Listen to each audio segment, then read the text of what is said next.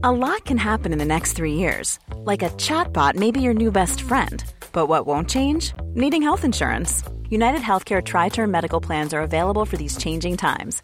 Underwritten by Golden Rule Insurance Company, they offer budget friendly, flexible coverage for people who are in between jobs or missed open enrollment. The plans last nearly three years in some states, with access to a nationwide network of doctors and hospitals. So, for whatever tomorrow brings, United Healthcare Tri Term Medical Plans may be for you. Learn more at uh1.com. Hey, I'm Ryan Reynolds. Recently, I asked Mint Mobile's legal team if big wireless companies are allowed to raise prices due to inflation. They said yes. And then when I asked if raising prices technically violates those onerous two year contracts, they said, What the f are you talking about, you insane Hollywood ass?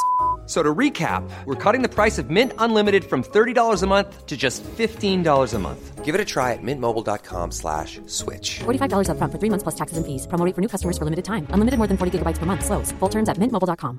There's never been a faster or easier way to start your weight loss journey than with PlushCare. PlushCare accepts most insurance plans and gives you online access to board-certified physicians who can prescribe FDA-approved weight loss medications like Wigovi and Zepbound for those who qualify. Take charge of your health and speak with a board-certified physician about a weight loss plan that's right for you. Get started today at plushcare.com slash weight loss. That's plushcare.com slash weight loss. plushcare.com slash weight loss. I can discuss some of the psychological aspects of the case. You've got to get a hold of yourself. Now look here, Johnson, I'm going to get to the bottom of this. I can discuss some of the psychological aspects of the case. And you're really crazy, you know that? Oh, yes, I remember that. Is this any concern of yours? Stop, stop, stop it now. I mean it. Ja, hei, det er psykolog Sondre Livre her. Diagnosen er dessverre svært alvorlig. Det viser seg at alt du tenker og føler er feil.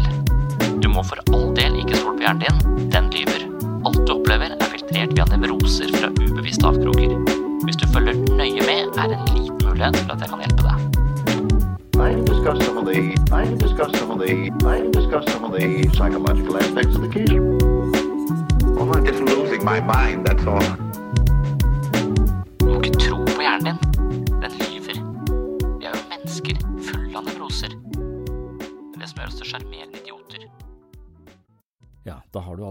Meg reklamere for dette mentale treningsstudio, som du finner både på patreon.com for slags sinnssyn, men også i app-format. Og denne appen, det var noe jeg utviklet eh, sommeren 2022, og det var eh, egentlig for å møte et behov hos et eh, større firma som ønsket å engasjere flere av de ansatte i en form for mental trening, eller eh, ha et slags eh, blikk på de ansattes eh, mentale helse, og det var spørsmålet hvordan kan vi nå ut til flest mulig folk, og da tenker jeg at det å ha med seg et mentalt helsestudio i lomma, det kan være en god idé. Og dermed så begynte jeg å videreutvikle det som var på plattformen eh, Patron, og begynne å konstruere denne appen. Og den er eh, bygd på samme lest, kan man si, som eh, min hverdagspraksis. Det handler om å forstå seg selv på et litt dypere nivå, møte disse eksistensielle grunnvilkårene, våge å snakke om døden, om frihet og meningsløshet, men også lodde dybden i mennesket via alle disse psykologiske teoriene som kaster litt lys på de mekanismene som ligger eh, bak eh, alt vi tenker, føler og foretar oss i løpet av en dag. Altså det å lodde dybden i sin egen motivasjon, kan man si, og forstå hvordan vi er motivert på bakgrunn av alle de erfaringene vi har med oss i bagasjen, osv. Men i tillegg til det så handler det jo om å være fysisk aktiv, det handler om å lære seg å kultivere ro og balanse på innsiden, kanskje gjennom meditasjon, det handler om å være sammen med andre og ha gode sosiale forbindelser, og alt dette her har vi en type praksis for ved det stedet jeg jobber.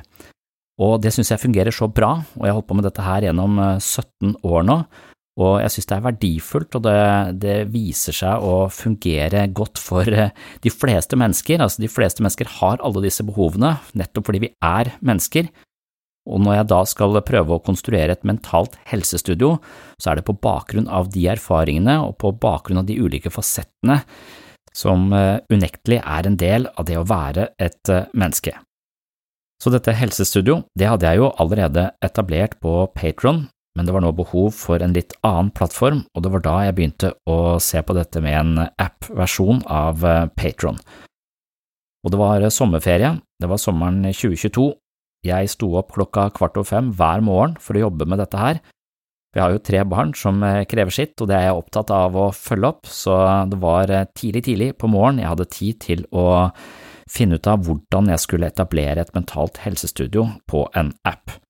Og det synes jeg jeg fikk til ganske bra etter hvert, og jeg er eh, veldig glad for at appen har nå blitt sånn som den har blitt, og at den reflekterer alle de aspektene jeg er opptatt av når det kommer til psykisk helse, men også fysisk helse. Så i dagens episode så skal jeg snakke litt mer om eh, selvutvikling, jeg skal snakke litt mer om eh, hva det vil si å trene mentalt, og jeg skal også fortelle litt om eh, min hverdag og hvordan min kliniske hverdag også speiles eller reflekteres i Sinnsyns mentale helsestudio. Så hvis ikke du allerede har lasta ned appen, så synes jeg du skal gjøre det aller først, og eventuelt høre videre på denne episoden i den appen. For eh, i appen så ligger denne podkasten i sin helhet, det gjør den jo også på alle andre plattformer, men inne på appen så finner du så mye, mye mer. Så sjekk det ut, og nå så skal du få være med til eh, en vakker eh, veranda eller terrasse i Søgneskjærgården, altså rett utenfor Kristiansand, hvor jeg eh, møtes med et tyvetalls eh, leger som jobber i Equinor for å snakke om mental trening, psykisk helse og rett og slett etablere en ja, hva skal jeg si, et biblioterapeutisk forum, som jeg kaller det, altså et sted hvor vi bare tenker høyt om hva det vil si å være et menneske, og hva det vil si å ha en syke, og hvordan vi kan forholde oss til denne syken på best mulig måte. Velkommen skal du være. Oh, I'm just losing my mind, that's all.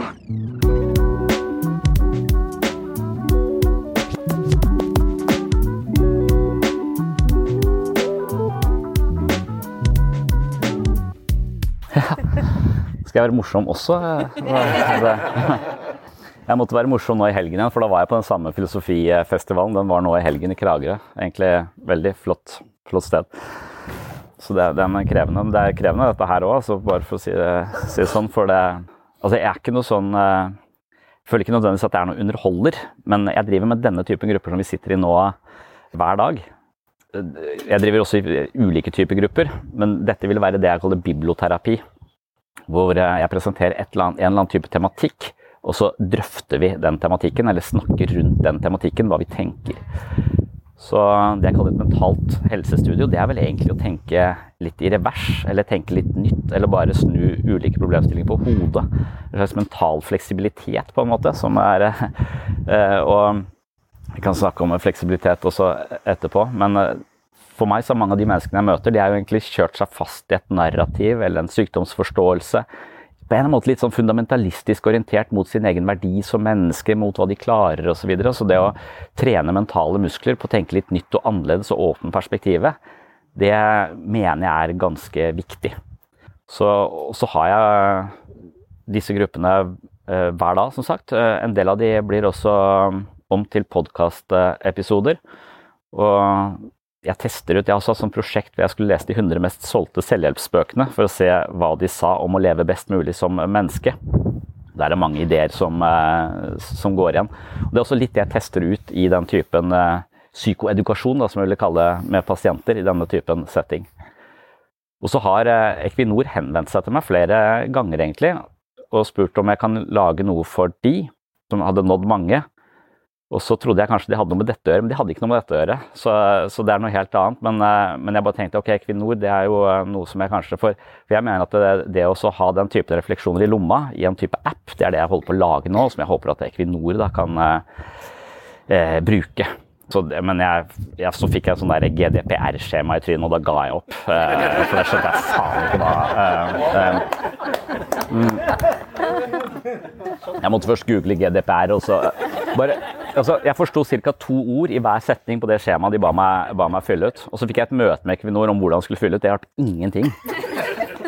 inntrykk at de ikke visste hva jeg skulle skrive der, de heller. Så, men, men min, det jeg gjør som kliniker, da, det, det, er at jeg sitter i litt mindre grupper enn dette her og driver med gruppepsykoterapi. Som også kanskje kan være en slags innledning til dette, selv om jeg ikke tror vi får til det her. Men i, i gruppepsykoterapi så fjerner jeg sosiale konvensjoner, på sett og vis. Så, som gruppeterapeut så lyver jeg mindre eh, enn jeg gjør sosialt. Så gruppeterapi handler egentlig om å fortelle andre hvordan de faller ned i ditt hode, uten å ja, sminke det med sosiale høflighetsfraser. Så vi lager en setting med taushetsplikt som er eh, trygg. Og så er min oppgave å fortelle de som er i den gruppa, akkurat hvordan de faller ned i mitt hode her og nå, og de skal gjøre det samme tilbake, og på tvers. Og det, det er litt fordi at livet for øvrig er fullt av sosiale koder som regulerer samspillet mellom mennesker. Og det er jo veldig bra, for da blir det litt forutsigbart. Eh, de som bryter de sosiale kodene, det blir sett på som en hersketeknikk og sanksjonert. Og det er eh, for så vidt greit. Men eh, når vi da hele tiden spiller litt sånn som åpningsspill i sjakk, at vi har noen innstuderte fraser når vi er, er sammen, så er det veldig ofte vi går glipp av en del informasjon. Hvordan ser jeg ut i den andres blikk? Og i psykoterapi så tenker man jo at det, opp mot 95% av alt det vi tenker, føler og foretar oss i løpet av en dag, er styrt av krefter vi ikke er klar over. Eh, vi tror vi vet hvorfor vi gjør det vi gjør, men eh, som regel så er det jo motivert av masse krefter vi ikke, ikke veit om. Så det å se seg selv fra den andres perspektiv, det kan også være en måte å se seg selv litt utenfra på, få et større bilde på hvordan vi selv fremstår, og kanskje se noen av våre egne blinde flekker, på sett og vis. Så som gruppeterapeut så er jeg altså jeg, pleier å ha sånn eksempel når jeg møter og prøver å forklare hva er gruppeterapi, så, så sier jeg at jeg, det var for mange år siden så var jeg på fest, og så sto jeg og snakka med en fyr som, som virka totalt uinteressert i det jeg sa. da, Og han så alle andre og enn på meg. Jeg følte meg egentlig jeg, jeg, følte meg oversett. Jeg ble litt forbanna, men jeg følte meg også veldig uinteressant. Så har jeg lært at uh, i disse selvhjelpsbøkene så står det at uh, still folk spørsmål, det er sosialt intelligent. Så jeg stilte spørsmål, han svarte kort og, og, hele tiden uinteressert. Og i den situasjonen så sier ikke jeg noe om det som foregår. Da sier jeg bare du vet hva, jeg må på do, vi snakkes. Og så trekker jeg meg ut av situasjonen, for den er ubehagelig. For meg så vil det være brudd på sosiale koder å si hva som foregår i underteksten her sånn. Hadde det vært i gruppeterapi, så hadde det vært min oppgave å si akkurat det.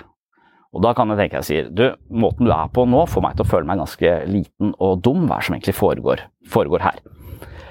Og Da kan du tenke seg at han sier at vet du hva, jeg har så mye angst at jeg klarer ikke å følge med. Og hvis jeg da hadde visst at uh, hans innside er full av angst, så hadde nok min innside forandra seg. For da hadde jeg kanskje ikke følt meg liten og dum, men jeg hadde sannsynligvis fått medfølelse med han, for jeg er ikke totalt psykopat. og så har jeg lest i forskningen at hvis du går rundt med mye medfølelse for folk, så lever du lenge, er lite syk og har et godt liv. Hvis du går rundt og føler deg liten og dum, så er du mye syk og dør for tidlig. Så hvordan jeg forstår andre mennesker fra innsiden, er ganske avgjørende for hvordan jeg har det uh, inni meg. Så Det er liksom hovedessensen av det man kaller mentalisering, som er en egen evne man mener kan finnes et eller annet sted i prefrontal eh, cortex, som kan trenes opp.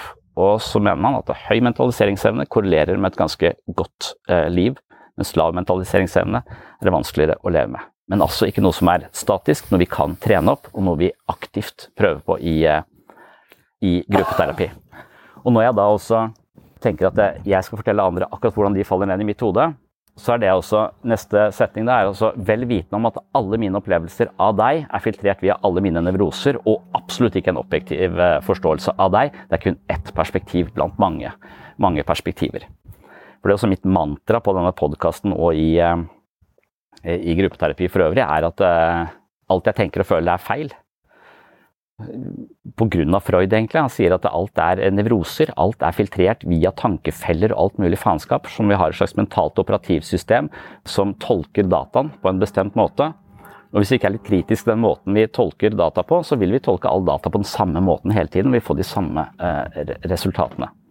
Men min måte å tolke deg på, den skal du få av meg. Du skal ikke lure på hvordan jeg eh, tenker om deg, for jeg skal vise deg den, sånn at du kan se deg selv fra mitt perspektiv. Og så er det heldigvis ikke individualterapi, det er gruppeterapi, så de får da åtte andre perspektiver også, sånn at de ikke blir sittende fast med mitt forskrudde perspektiv på hvordan de er. For jeg tenker veldig ofte at folk må ta seg sammen. Det blir ikke spesielt eh, Så ja, så det, det er eh, så et eksempel på det er eh, som man tenker liksom, Jeg satt selv i gruppeterapi en gang, men jeg gikk på en utdannelse i Oslo, Institutt for gruppeanalyse heter vel. Og da måtte vi gå masse i egenterapi, en gruppe med bare psykologer og leger. Det var belastende. Også, men, men da, da husker jeg satt ved siden av en fyr, og hver gang han snakka, så kjeda jeg meg. One size fits all seems like a good idea for clothes until you try them on. Same goes for healthcare. That's why United Healthcare offers flexible, budget friendly coverage for medical, vision, dental, and more. Learn more at uh1.com. This is Paige, the co-host of Giggly Squad, and I want to tell you about a company that I've been loving, Olive and June. Olive and June gives you everything that you need for a salon quality manicure in one box. And if you break it down, it really comes out to $2 a manicure, which is absolutely insane. It's also so easy to get salon worthy nails at home with Olive and June. The difference between how your nails used to look when you did them yourself and now with the Manny system is a complete game changer. The best thing about Olive and June too is it's a quick dry. Dries in about one minute, lasts for five days, and full coverage in up to one to two coats. Visit oliveandjune.com slash perfectmanny20 for 20% off your first system. That's oliveandjune.com slash perfectmanny20 for 20% off your first system. One size fits all seemed like a good idea for clothes Nice dress. Uh, it's a it's a t-shirt. until you tried it on. Same goes for your healthcare. That's why United Healthcare offers a variety of flexible, budget friendly coverage for medical, vision, dental, and more. So, whether you're between jobs, coming off a parent's plan, or even missed open enrollment, you can find the plan that fits you best. Find out more about United Healthcare coverage at uh1.com. That's uh1.com. Og igjen, hvis det hadde vært i det sosiale livet, så hadde ikke jeg eh, Da hadde jeg bare tenkt at jeg må ta meg sammen. Jeg må liksom bare etablere oppmerksomhet her og komme meg gjennom denne situasjonen. Mens når jeg da sitter i gruppeterapi og jeg merker at når han prater, så begynner jeg å tenke på hva faen skal jeg til middag i dag? Og, og så får jeg ikke med meg noe av det han sier. Og etter hvert så registrerer jeg dette, og det er nettopp det jeg skal, jeg skal si hva som foregår her og nå, i situasjonen. Det er det som er gruppe, gruppeterapi. Så det blir på en måte mitt, eh, mitt ansvar der. Så når jeg hadde greit hoppa bukk over det eh, i det sosiale livet, så er det noe jeg Det er selve gruppeterapien, da. Og før jeg sier noe, så må jeg tenke meg litt om. Jeg må begynne Hva er det han sier for noe, egentlig? Prøve å høre etter. Og så tenker jeg informasjonen hans er jo like interessant som informasjonen til de to der. Når de to snakker, så er jeg liksom på. Mens når han snakker, da, da begynner jeg å tenke på hva jeg skal til middag. Hva er, hva er forskjellen her? Og informasjonen er ikke noe mindre interessant enn den informasjonen de har. Og når jeg sier det, da, sier jeg du, jeg må bare stoppe deg litt. For at eh, altså, når du snakker, så føler ikke jeg at du får den oppmerksomheten du fortjener av meg. Og jeg vet ikke helt hva det handler om. Da sier de at det er fordi du er så jævla selvopptatt, du er mest opptatt av deg sjøl. så det er derfor de ikke får med deg hva andre, andre sier. Jeg noterer det på, eh, på blokka, tar det med meg, med meg videre. Men han sier ikke det. Han sier at du, det er interessant for meg, for jeg opplever ofte å sitte i møter med folk, og så sier jeg noe, så går det ti minutter, så sier noen andre akkurat det samme, og da henger folk seg på. Som om jeg er litt usynlig. Som om min stemme ikke egentlig bærer. Så jeg føler ofte jeg må, må kjempe hardere enn andre da, for, å, for å beholde folks oppmerksomhet. Og i den typen eh, måte å tenke på som man gjør i psykodynamisk psykoterapi, er jo også at fortiden vår lever litt i nåtiden. Så alle erfaringene vi har gjort oss, de er med på å danne den personen vi er i dag. Så han begynner også å leite litt bakover og ser at han har vokst opp i et sånn superreligiøst hjem. Typisk er på Sørlandet sikkert. Også, og der var det ikke lov til å gråte, det var ikke lov til å være sint, du skulle være prektig og dydig og ordentlig. Iver eller glede, altså voldsomme følelsesuttrykk, ble liksom ikke, det ble sanksjonert på en sånn stilltiende måte. av en sånn ja, mer eller mindre eksplisitt avtale om at man ikke skulle reagere så veldig. Bare være, være ordentlig. Så han føler at han skrudde av følelsene sine på et veldig tidlig tidspunkt. Og for meg så, Det gir mening, for han opererer bare fra hodet. Han gir bare informasjon uten at han føler noe for det han sier. Når han ikke føler noe for det han sier, så er det som om vi bare får Igjen, disse selvhjelpsbøkene sier at 80% av kommunikasjonen vår er i hva vi føler for det vi, eh, vi sier. Og hvis du tar vekk det og bare leverer informasjon, så blir folk søvnige. Og når folk blir søvnige når du prater, det går utover selvfølelsen din. Så i eh, hans måte å være på med andre, så fikk nok han ganske lav selvfølelse fordi han følte seg på et eller annet nivå uinteressant, selv om ikke det var nødvendigvis var eksplisitt for han. Og da blir hans oppgave ganske konkret da, i gruppeterapi. Du skal kjenne etter på hva faen du føler for det du sier akkurat nå. Hva er, du, hva er, det du, vil formidle? Hvorfor vil du si det nå? Hva er følelsene rundt det? Og når han aktivt går inn for å endre disse algoritmene i seg sjøl og ta med mer av hva han føler for ting, så tror jeg at han ser i våre øyne at vi er mer, eh, mer med. Så, så for, for, meg så ble det sånn eh, Altså, Hvis ikke han vet hva han føler for det han sier, så vet ikke jeg hva jeg skal føle for det jeg sier, og da begynner jeg å planlegge middagen isteden. Eh, så jeg, å, jeg tror nok vi kobler oss på hverandre. Kanskje føler jeg det samme som han. tenkte oi, vi er litt like. Eller så føler jeg helt motsatt. Oi, det er også veldig interessant. Men det er via det emosjonelle vi på sett og vis eh, kobler, oss, eh, kobler oss på. Så det er, det, er min, det er min start på dagen hver dag. Den er på denne måten. Det er i gruppe psykoterapi, hvor jeg, eller hvor jeg er på en måte både terapeut og pasient. Jeg anser meg selv som pasient i høyeste grad, egentlig. Men, men sånn, jeg tenker at alle har den samme oppgaven her. Vi skal speile hverandre på en mest mulig oppriktig måte. Ikke sånn uhøflig, men vi skal bare vise hverandre hvordan vi oppleves, og vi skal snakke være her og nå. Da føler jeg litt jeg jobber med følelser, jeg jobber litt med hjertet. Eh, jeg jobber litt med, med det mentale operativsystemet. Og så går jeg videre i neste gruppe, som er da denne gruppa vi er i nå, som er biblioterapi.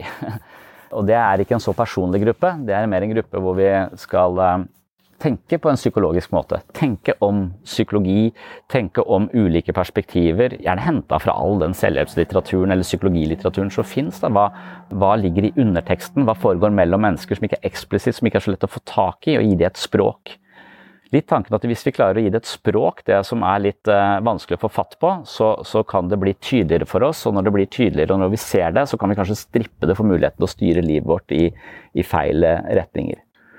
Sånn som angst er liksom bare, det er bare et begrep. Det er bare en slags indre uh, følelse av uro som du ikke helt vet hva signaliserer. Så det er en slags mangel på innsikt i følelsen og hva den, hva den skal ha deg til å, ta inn over deg. Liksom. Det, det, det, å gi det et språk da, det, det, tror jeg er viktig. Og det kan man gjøre i terapi, men man skal også gjøre det gjennom litteratur eller gjennom å snakke om det og ta for seg et eller annet psykologisk tema, og så vri og vende litt på det og se hvordan det passer inn i, i mitt liv. Så det kaller jeg da biblioterapi. Og det er biblioterapi jeg ønsker å selge til, til, til Equinor. da ikke i den forstand at man nødvendigvis møtes, men at man har denne typen refleksjoner tilgjengelig i, eh, i, i lomma. og det er litt det også podkasten som jeg driver dreier seg om, at jeg har opptak fra disse typer eh, samtaler. Hvor det ikke er noe sånn planlagte foredrag, men det er mer sånn eh, refleksjoner rundt en eller annen type eh, tematikk basert på psykologisk eh, teori. Da. Så når jeg er ferdig med, ferdig med det, og føler jeg går fra hjertet til hodet, så går jeg og trener. Og jeg går og trener. Eh, altså Jeg har mast eh, på sykehuset Sørlandet sykehus hvor jeg jobber, om å få trening i arbeidstida. Eh, fordi jeg har tre barn. Jeg har faen helt umulig å få gjort noe som helst på, på ettermiddagen. Og jeg er ikke så veldig opptatt av å trene heller. Jeg vet jeg har lest at det er bra, liksom, men, men jeg gjør det kun for å ikke dø for tidlig. For jeg er litt redd for å dø.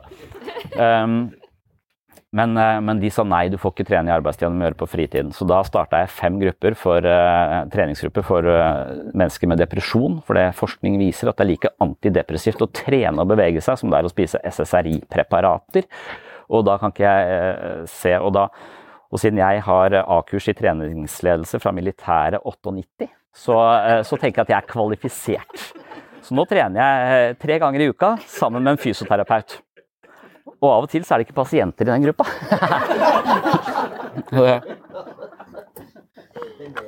men jeg holder den, eh, jeg holder den ja. Men, eh, men, det har vært min kritikk eh, mot veldig mye av ja, altså helsevesenet. Altså,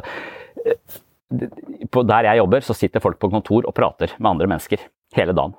Og de tror at det skaper forandring. Psykoterapi er veien til alt. Altså, psykoterapi er en del av å forandre seg. Se på det mentale operativsystemet ditt som fortolker all informasjonen. Du må være litt superbruker på det, på det systemet der. sånn. Eh, I superbrukermodus kan du endre kildekodene. Det, det gjør at du, du kan eh, finne en, en, litt ny kurs. Men det å vedlikeholde kroppen, det å forstå mer, det å tenke eh, annerledes, alt dette tror jeg hører sammen. Og ikke minst meditere. Så etter treninga så mediterer vi. Og etter det så er det yoga. Det klarer jeg ikke. Jeg er så stiv og blir så selvbevisst i denne yogaen, så der, der har jeg noe å hente. Så det å ja, eh, jobbe på mange ulike områder eh, samtidig.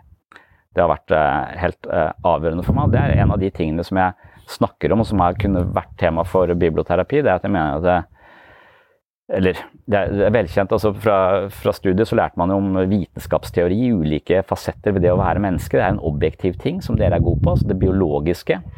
Men i den biologien så er det også installert et operativsystem av alle de erfaringene som gjør at vi tolker informasjon på en spesiell måte. Så er det objektive hjernen som veier så og så mye og kan uh, justeres med narkotika. Og så, og så, har du eh, eller mat eller eh, trening. Og så har du en, en, mer subjektiv eh, side ved det å være menneske, som er dette operativsystemet og måten vi tenker på. og så har du menneske, Det er menneske ofte et entall, så har du menneske et flertall. som annet, men Jeg er jo ikke et menneske med mindre jeg er sammen med andre mennesker og har relasjoner. Så det er også relasjonen min til andre mennesker som definerer meg, og det er via andres blikk jeg vet hvem jeg er, på sett og vis. Og hvis jeg hele tiden er avvisende overfor andre og får det tilbake igjen, altså alle de disse mekanismene alle disse malene mennesker har på hvordan de omgås, som er en veldig vesentlig del av gruppeterapi. Og så er det også en kvadrant som sier hva slags samfunn lever vi hva slags påvirkninger kommer fra å bruke smarttelefonen sin 150 eh, ganger i løpet av et, eh, et, døgn. Eh, og man vet at hjernen tolker distraksjoner som en slags ufullendt oppgave og reagerer med et mildt stress hver gang den, den ikke fullfører en, en, oppgave. Og du har da noe som forstyrrer deg 150 ganger i løpet av, døgnet. Og alle i Norge påstår at de har ADHD og skal ha Ritalin og narkotika. Altså, Kan det være med noe med måten du lever på, istedenfor å, å, å hoppe rett på på et eller annet amfetaminpreparat. Um, så, så, alle disse eh, aspektene til sammen, altså det objektive hjernen og hvordan den fungerer og kan medisineres, det subjektive, hvordan jeg bruker hjernen min og måten jeg tolker ting på, det mellommenneskelige, relasjonelle og det mer interobjektive, som jeg kaller det. Altså det, det, det objektive, men likevel den strukturen som er rundt det. Kulturen, samfunnet vårt, alle de institusjonene som også er med på å påvirke oss. altså noen mange av de menneskene jeg eh, møter, de eh, klarer ikke å stå i jobb. Mens egentlig så jobber de mye mer enn meg, for de driver og krangler med Nav eh, hele dagen, liksom. Så det er jo mer eller mindre en slags fulltidsgeskjeft for disse folka her, sånn. Så at de er slitne, det er ikke noe rart. Så, så at alle de, de aspektene da uh, påvirker mennesket. Og hvis vi skal gjøre en forandring, så tror jeg vi må intervenere i alle kvadrantene. Og jeg tror det er det vi, vi, i hvert fall i helse, eller i psykisk helse bommer litt på. Vi tror vi bare skal uh, intervenere på operativsystemet. Vi skal intervenere på det objektive, og så er det med medisiner. Så vi driver bare med medisiner og samtaleterapi. Det relasjonelle kan gå inn i, i psykoterapi, men også et slags blikk for, uh, for måten vi lever på, samfunnet osv. Og, så og det å trene eller spise. altså Det kommer folk til meg og, og, og, veier 150 kilo og sier at de har angst for å dø.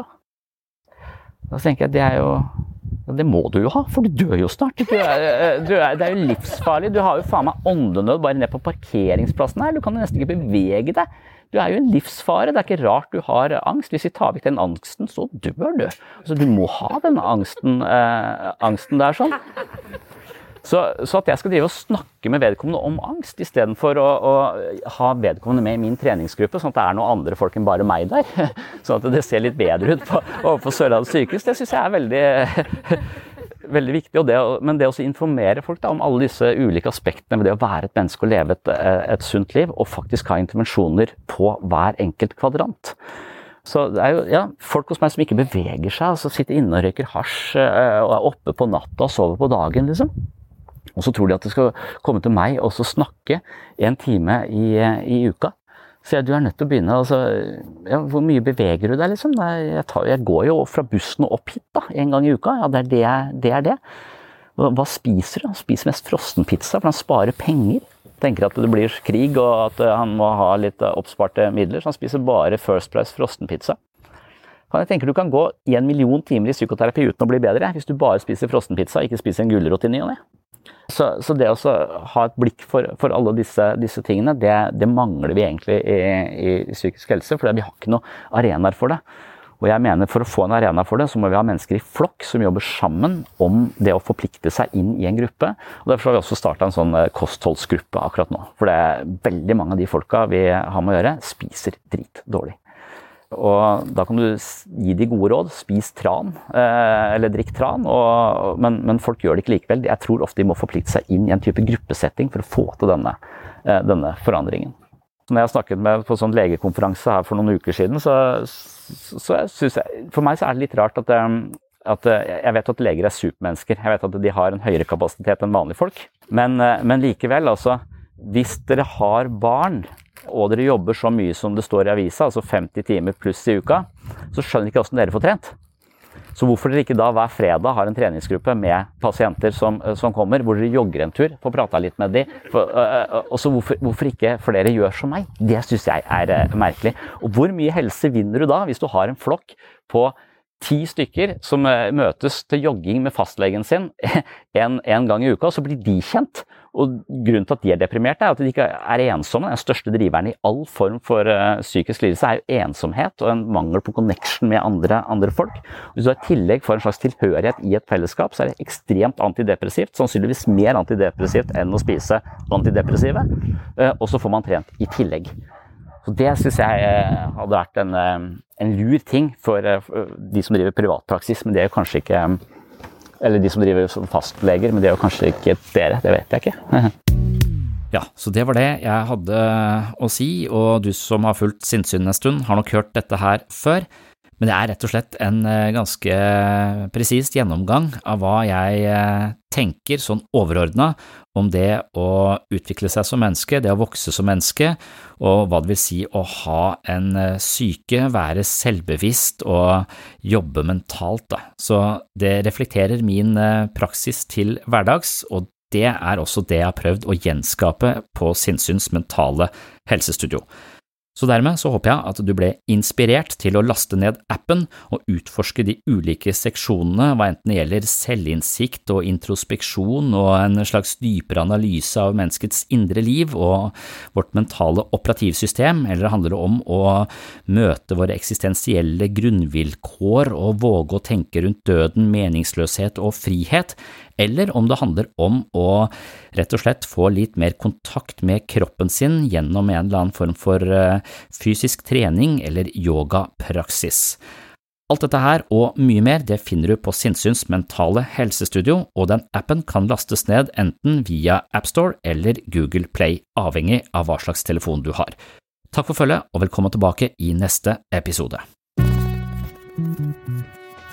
Oh, I'm just losing my mind, that's all.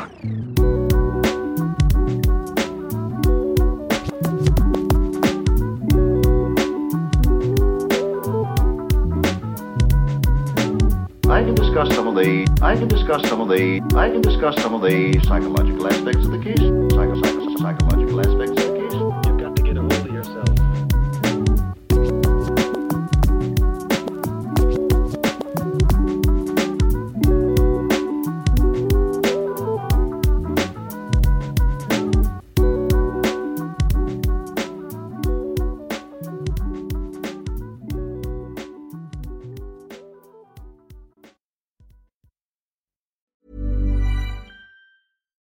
It's Paige DeSorbo from Giggly Squad. High quality fashion without the price tag. Say hello to Quince. I'm snagging high-end essentials like cozy cashmere sweaters, sleek leather jackets, fine jewelry, and so much more. With Quince being 50 to 80% less than similar brands. And they partner with factories that prioritize safe, ethical, and responsible manufacturing. I love that. Luxury quality within reach. Go to quince.com slash style to get free shipping and 365 day returns on your next order. Quince.com slash style. Mom deserves the best, and there's no better place to shop for Mother's Day than Whole Foods Market. They're your destination for unbeatable savings, from premium gifts to show-stopping flowers and irresistible desserts. Start by saving 33% with Prime on all body care and candles. Then get a 15-stem bunch of tulips for just $9.99 each with Prime. Round out Mom's menu with festive rosé, irresistible berry chantilly cake, and more special treats. Come celebrate Mother's Day at Whole Foods Market. Imagine the softest sheets you've ever felt. Now imagine them getting even softer over time. That's what you'll feel with Bowl and Branch's organic cotton sheets. In a recent customer survey, 96% replied that Bowl and Branch sheets get softer with every wash. Start getting your best night's sleep in these sheets that get softer and softer for years to come. Try their sheets with a 30-night guarantee. Plus, get 15% off your first order at bowlandbranch.com. Code BUTTERY. Exclusions apply. See site for details.